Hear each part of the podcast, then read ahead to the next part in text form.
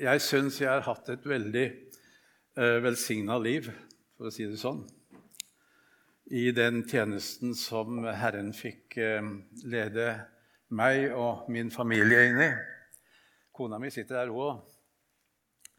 Og uh, det var kjekt å få komme hit igjen. Uh, det er noen år siden nå. Jeg bor ikke her, jeg bor i Ytre Enebakk, noe sør for Oslo. Og um, Jeg nevnte vel at jeg har aldri hatt noen annen arbeidsgiver, men jeg har gjort forskjellige ting. da. Noen av dere her er sikkert fra Fjellhaug. Jeg har vært rektor på Fjellhaug faktisk, i noen år. Så har jeg vært generalsekretær i Misjonssambandet i noen år. Så har jeg vært misjonær i mange år. Og så er jeg, nå er jeg pensjonist. Så nå reiser jeg som forkynner. Er ikke det bra? Jeg syns det er så privilegert å få lov til å reise og forkynne Guds ord. Så eh, tenkte jeg det at når vi nå, den tida vi lever i nå, det er jo mellom påske og eh, Kristi himmelfartsdag, som vi snart skal feire. Så skulle, når vi tenker på den tida der, så skulle det mane oss til å gi akt på det Jesus var opptatt av etter oppstandelsen og fram til da han ble tatt opp til himmelen. Det, mm, han visste jo at han skulle forlate disiplene. Og nå hadde han noe viktig han ville si før han skulle forlate dem. Det dreier seg om et løfte og det dreier seg om en oppgave, et oppdrag. Det gjaldt disiplene den gangen, og i dag gjelder det oss, vi som har kommet til tro på ham og har gitt livet til ham. Så nå må du høre etter hva Jesus har å si oss. Ut ifra denne tidsbolken, da, ifra påske og fram til han eh, ble løftet opp til himmelen. For det første så sa han, 'Livet skal dere leve i vissheten om at jeg har omsorg for dere.' Tenk det. Vi er ikke aleine. Han har omsorg for oss. Og denne omsorg varer hele livet igjennom. Det er løftet som han ga til disiplene sine. Slik lyder det. Herren selv skal gå foran deg. Han skal være med deg. Han svikter deg ikke og forlater deg ikke. Slik er Gud. Det bekrefta Jesus disse dagene. Det ordet jeg leste, var fra 5. Mosebok, kapittel 31, og vers 8. Men han som aldri forandres, han som er den samme i går og i dag, ja, til evig tid, han sier det samme i dag. Da Maria Magdalena kom til graven på eh, påskedagens morgen, fant hun graven tom. Hun ble stående utenfor og gråt, står det i Johannesevangeliet kapittel 20. Det er noe sårt over svaret som hun ga på, på englenes spørsmål. 'Hvorfor står du her og gråter?' Så svarte hun, 'De har tatt Herren min bort.' Og jeg vet ikke hvor de har lagt ham. Kan du tenke? Forvirret. Graven var tom. Fortvilet. Jesus var borte. Jeg eh, har tenkt at slik kan det ofte være for en kristen. Vi vandrer med Jesus. Og sjøl om dere er mye yngre enn meg, så vil jeg vel tro at det har kommet tunge stunder i livet ditt også. Da han, Jesus syntes så fjern. En kan bli fristet til å gi opp. Det har skjedd mange ganger i mitt liv. Jeg har ikke tall på alle de gangene jeg tenkte åh, dette gidder jeg ikke. altså. Var ute. Nå pakker vi kofferten og reiser hjem. Dette gidder jeg ikke lenger. Men så var det dette med kallet, da, vet du. Det var ikke så lett. Det var enkelt å tenke det at en skulle ta kofferten ned fra hylla. Det var verre å pakke den og ta ta med seg hjem. Ja. Kom ikke så langt noen gang. Men eh, det kan nok føles slik. Det var som en indonesisk broder sa en gang. Det er tungt å be. Hvorfor driver jeg med dette? Det er tungt å be. Det er som om bønna ikke nå lenger enn til taket. sånn. Det stoppa der, liksom. Ja, det kan nok føles slik, men sannheten er at også i slike stunder så er Gud nær. Det sier Bibelen. Bibelen sier han er ikke langt borte fra en eneste av oss.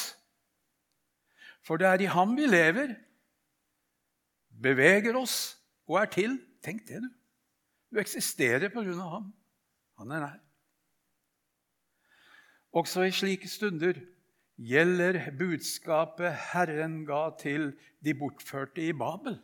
En vanskelig situasjon de hadde. Han sa det slik via profeten Jeremia. Jeg vet hvilke tanker jeg har med dere. Det er fredstanker og ikke ulykkestanker. Jeg vil gi dere fremtid og håp, sa han. Tenk det. Slik Gud har vi. Det fikk Maria oppleve, bokstavelig talt. Da det var som mørkest i hennes hjerte, så fikk hun et personlig møte med den oppstandende. Han kalte henne ved navn. Mer personlig kan det knapt gjøres. Ser for meg liksom sånn Han tar hånda si rundt en person som har det vondt, og så sier han, 'Kommer til meg hvis det gjelder meg.' 'Du, Ola.' Ja. Sier navnet. Maria. Han skjønte, eller hun da, i dette tilfellet skjønte at det var Jesus som sto der.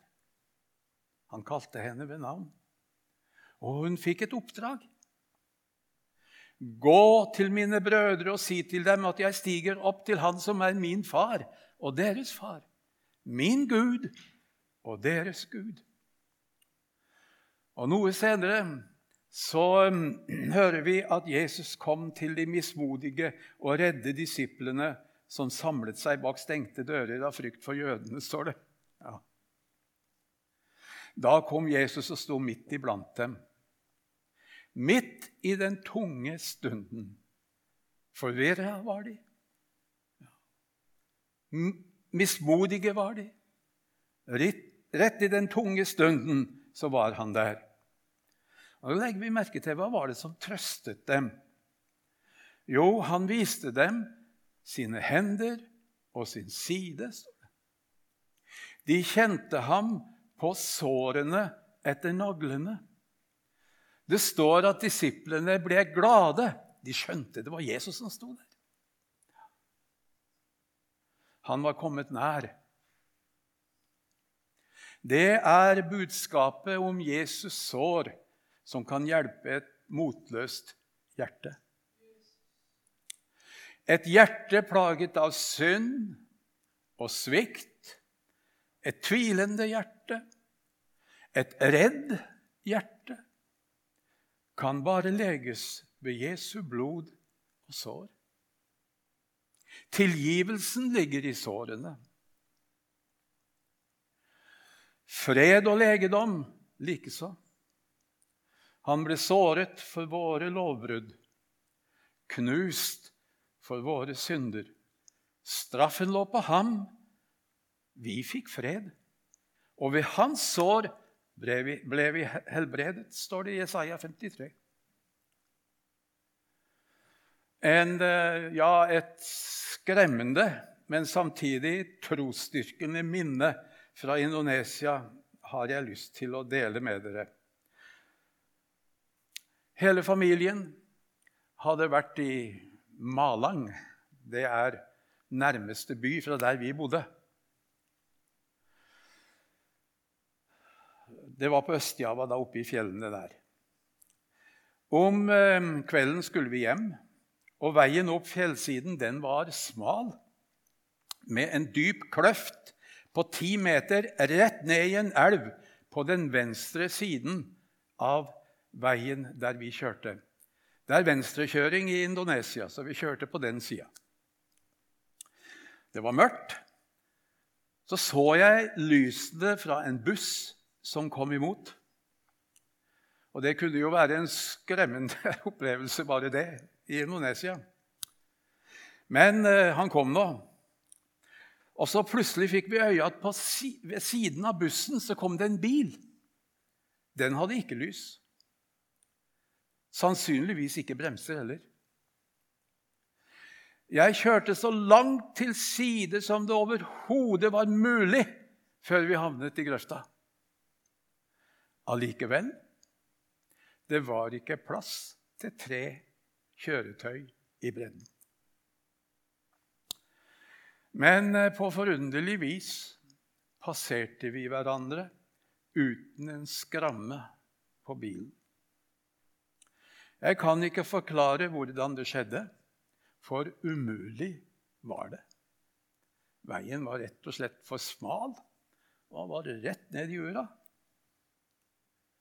Tilfeldigheter, vil noen si. For oss ble det et mektig vitnesbyrd om ham som sa til sitt folk Israel.: Dere har selv sett hva jeg gjorde med egypterne, og hvordan jeg løftet dere på ørnevinger og bar dere hit til meg. Han er den samme i dag. Han kom oss så nær den kvelden han bar oss gjennom på ørnevinger. Jo da, Gud har omsorg for sine. Det ble et sterkt minne for oss den kvelden. Vår tid var ennå ikke kommet. Han så oss igjennom. Nå kan ikke jeg rote bort hele tida mi på det der. Men eh, vi må gå til det andre. Det har jeg sikkert glemt. Ikke bare Guds omsorg talte Jesus om disse dagene. Men han var også opptatt av andre ting. Han talte med dem om oppgaven som ventet. Han sa, 'Jeg har fått all makt i himmelen og på jorden.' Gå derfor og gjør alle folkeslag til disipler. Døp dem til Faderens og Sønnens og Den hellige ånds navn. Og lær dem å holde alt det jeg har befalt dere. Og se, jeg er med dere alle dager. Der kommer omsorgen. Jeg er med dere alle dager inntil verdens ende. Tenk det. Her var det elleve disipler som hørte dette der på fjellet i Galilea. Noen av dem tvilte, står det til og med. Det er noe gjenkjennbart og menneskelig over situasjonen da Jesus møtte dem der på fjellet. De var ikke så modige at det gjorde noe. Nei, de var ikke det. De hadde sviktet, de hadde fornektet og rømt da det sto på som verst. Jeg kjenner meg så igjen, hvis jeg får lov til å bekjenne det. Allikevel det var slike disipler som fikk beskjed om å gå ut og gjøre alle folkeslag til disipler. Akkurat det der har vært stor hjelp for meg til å si ja, Herre. En skrøpelig, enkel sjel som meg kan få lov til å si ja òg. De var fattige fiskere fra Galilea uten de ressurser vi i dag tenker er nødvendig. Umulig fra et menneskelig synspunkt, men ikke for Gud. Jesus har lovet å være med i den tjenesten så lenge denne verden står. Det er så lenge nådetiden varer, det. Og i denne tiden ber han sitt folk om å gå ut i verden med evangeliet. En dag vil den tiden ta slutt. Ved verdens ende, leste vi. Det vil si ved denne tidsalders ende. Da er det ikke lenger behov for denne tjenesten. Da er det for sent å høre evangeliet til frelse. Men inntil da lyder det et gå. Del det kjæreste Gud har gitt deg med en fortapt verden.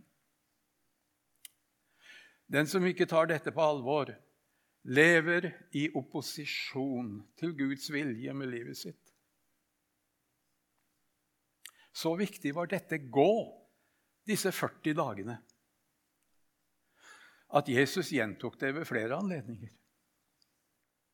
En gang da de spiste sammen, så sa han, 'Gå ut i all verden og forkynn evangeliet for alt som Gud har skapt.' Det er slutten av Markusevangeliet. Du kan lese om det. Da mm, Jesus beskrev tjenesten som ventet dem, så er det ikke småtteri han sier. Disse tegnene skal følge dem som tror, sier han. I mitt navn skal de drive ut onde ånder. De skal tale nye tungemål, og de skal ta slanger i hendene. Om de drikker dødelig gift, skal det ikke skade dem. Og når de legger hendene på syke, skal de bli friske. Slike under skjedde virkelig i den første kristentid. Bare les apostlenes gjerninger. På pinsedag, for eksempel, gjorde Gud et språkunder. De som var til stede, hørte apostlene tale på hver enkelts morsmål. Ikke noe rart at det skapte stor forvirring og mange spørsmål. Hva i all verden er dette? Ja. Er det ikke galileere, alle disse som, som taler? Hvordan har det seg at vi hører dem tale på vårt eget språk? Hmm, underlige ting. Senere hører vi at Paulus drev ut en ond ånd fra en slavekvinne som hadde en spådomsånd i seg, står det i kapittel 16. Vi leser om syke som ble helbredet. En gang hører vi at Paulus ble bitt av en slange. Og folket de ventet jo at han skulle dø. Men Gud lot ikke det skje. Også i dag skjer det slike under. Ikke minst der evangeliet går fram i grenselandet mellom hedenskap og kristendom. Der man vinner nytt land. Jeg synes jeg har sett noe av det i min misjonærtjeneste. Jeg syns ikke jeg har tid til å nevne på det nå. Men det, det syns jeg har hatt så masse klare opplevelser av. At Gud, han sitter på tronen. Og det som er nevnt i Bibelen, det skjer i dag. Men her er mer å si om disse 40 dagene. Jesus nøyde seg ikke bare med en befaling om å gå og en forsikring om å være til stede i deres liv og tjeneste. Men spørsmålet var hva skulle nå disiplene møte en hedensk verden med? Hva skulle de fylle sin tjeneste med? Jo, han ga dem budskapet de skulle gå med. Han sa, slik står det skrevet Messias skal lide og stå opp fra de døde tredje dag. Og i hans navn skal omvendelse og tilgivelse for syndene forkynnes for alle folkeslag. Dere skal begynne i Jerusalem. Og til slutt så sa han, dere er vitner om dette. Å formidle dette budskapet er misjon i egentligste betydning. Jeg må få ta med en historie til. altså. Jeg kan spore helt av nå, men det får nå heller våge seg. I min tid i Indonesia Vi fikk være der sammen i tolv år. Så besøkte jeg flere ganger den samme øya hvor kannibalene var. men nå taler jeg om annen, et annet besøk. Den øya heter Irianjaya, heter den i vår tid. I dag heter den Papua Barat, som betyr Vest-Papua, som er den indonesiske delen av Ny-Guinea. I en av landsbyene Jeg hadde vært også i den landsbyen flere ganger. I alle fall noen ganger. Men denne gangen kom jeg i prat med en dame jeg ikke hadde møtt før. Hun spurte om familien min. Et veldig vanlig tema når du kommer til Indonesia. De spør har du familie, og, og hvor mange barn har du, osv. Jeg sa at eh, jeg har fire barn, og alle er jenter. Du fikk forskjellig reaksjon på det i Indonesia, det skal jeg sagt, men det skal jeg ikke ta nå. Men um, denne jenta, eller denne dama, hun ble helt stille, og så fortalte hun sin historie. Hun sa i den landsbyen der hun kom ifra, så var det slik at det første barnet som fikk leve opp i familien, måtte være en gutt. Hun hadde fått ei jente som ble satt ut i regnskogen. Så hadde hun fått ei jente til som også ble satt ut i regnskogen. Så fikk hun en gutt, og senere hadde hun fått bl.a. to jenter. Og disse to fikk leve. Så ser hun opp på meg med store øyne. Hun sa det slik Jeg kunne også hatt fire jenter om misjonærene hadde kommet før. Det blikket glemmer jeg aldri. Det sitter der spikra fast. Det var misjonærer fra Wycliffe, bibeloversettere, som hadde kommet til hennes landsby. Og etter fire års arbeid ble Bibelen oversatt til deres lokale språk. Det mm, hun hørte av misjonærene, og det hun selv leste i den nye Bibelen om Jesus og det han hadde gjort, hadde satt henne i frihet. Smerten over å miste to jenter sto å lese i det blikket men også gleden over å ha møtt Jesus til frelse. Evangeliet, det budskap Jesus sa 'gå ut i verden med det', det hadde satt henne fri.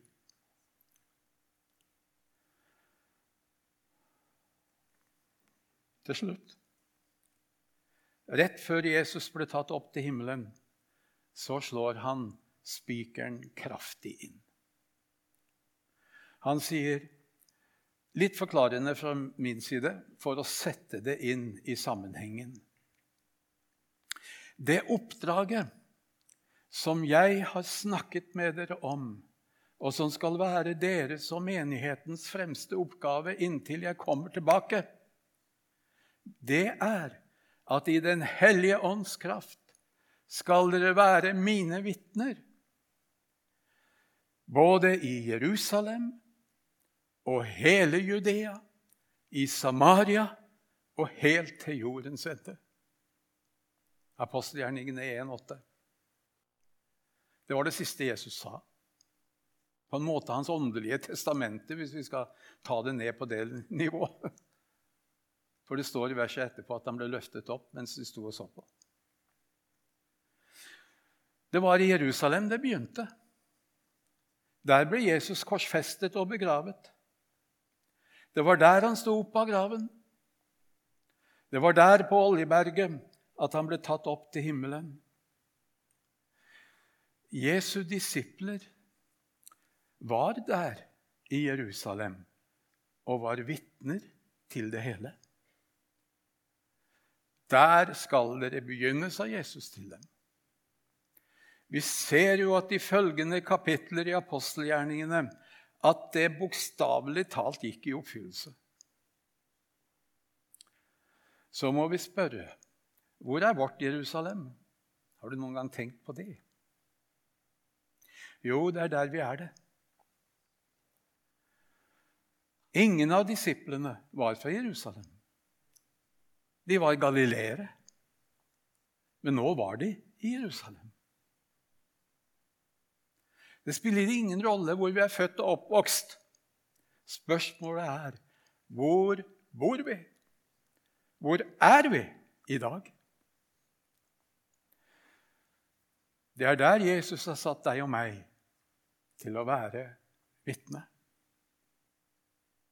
Men han sa både i Jerusalem og like til jordens ende.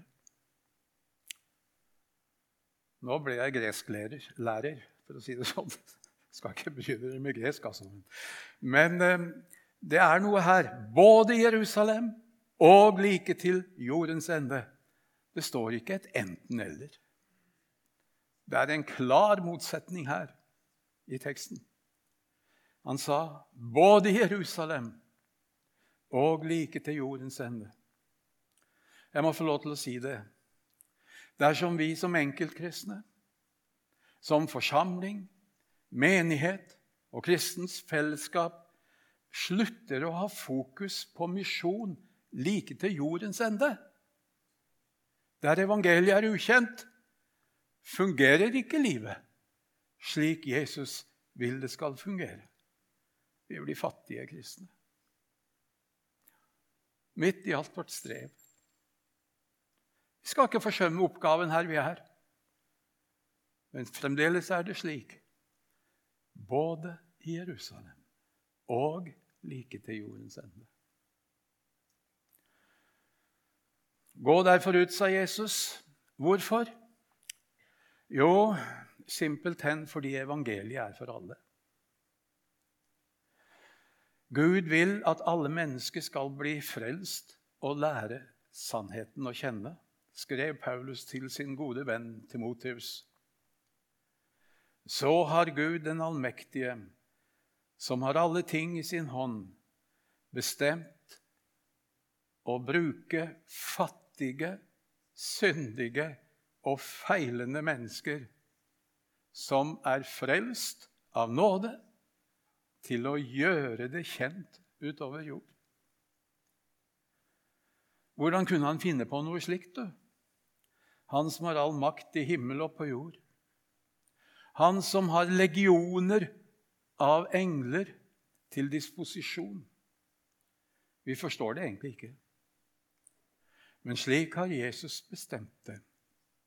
Han sa til disse feilende disiplene sine, og han sier det til oss i dag Fred være med dere.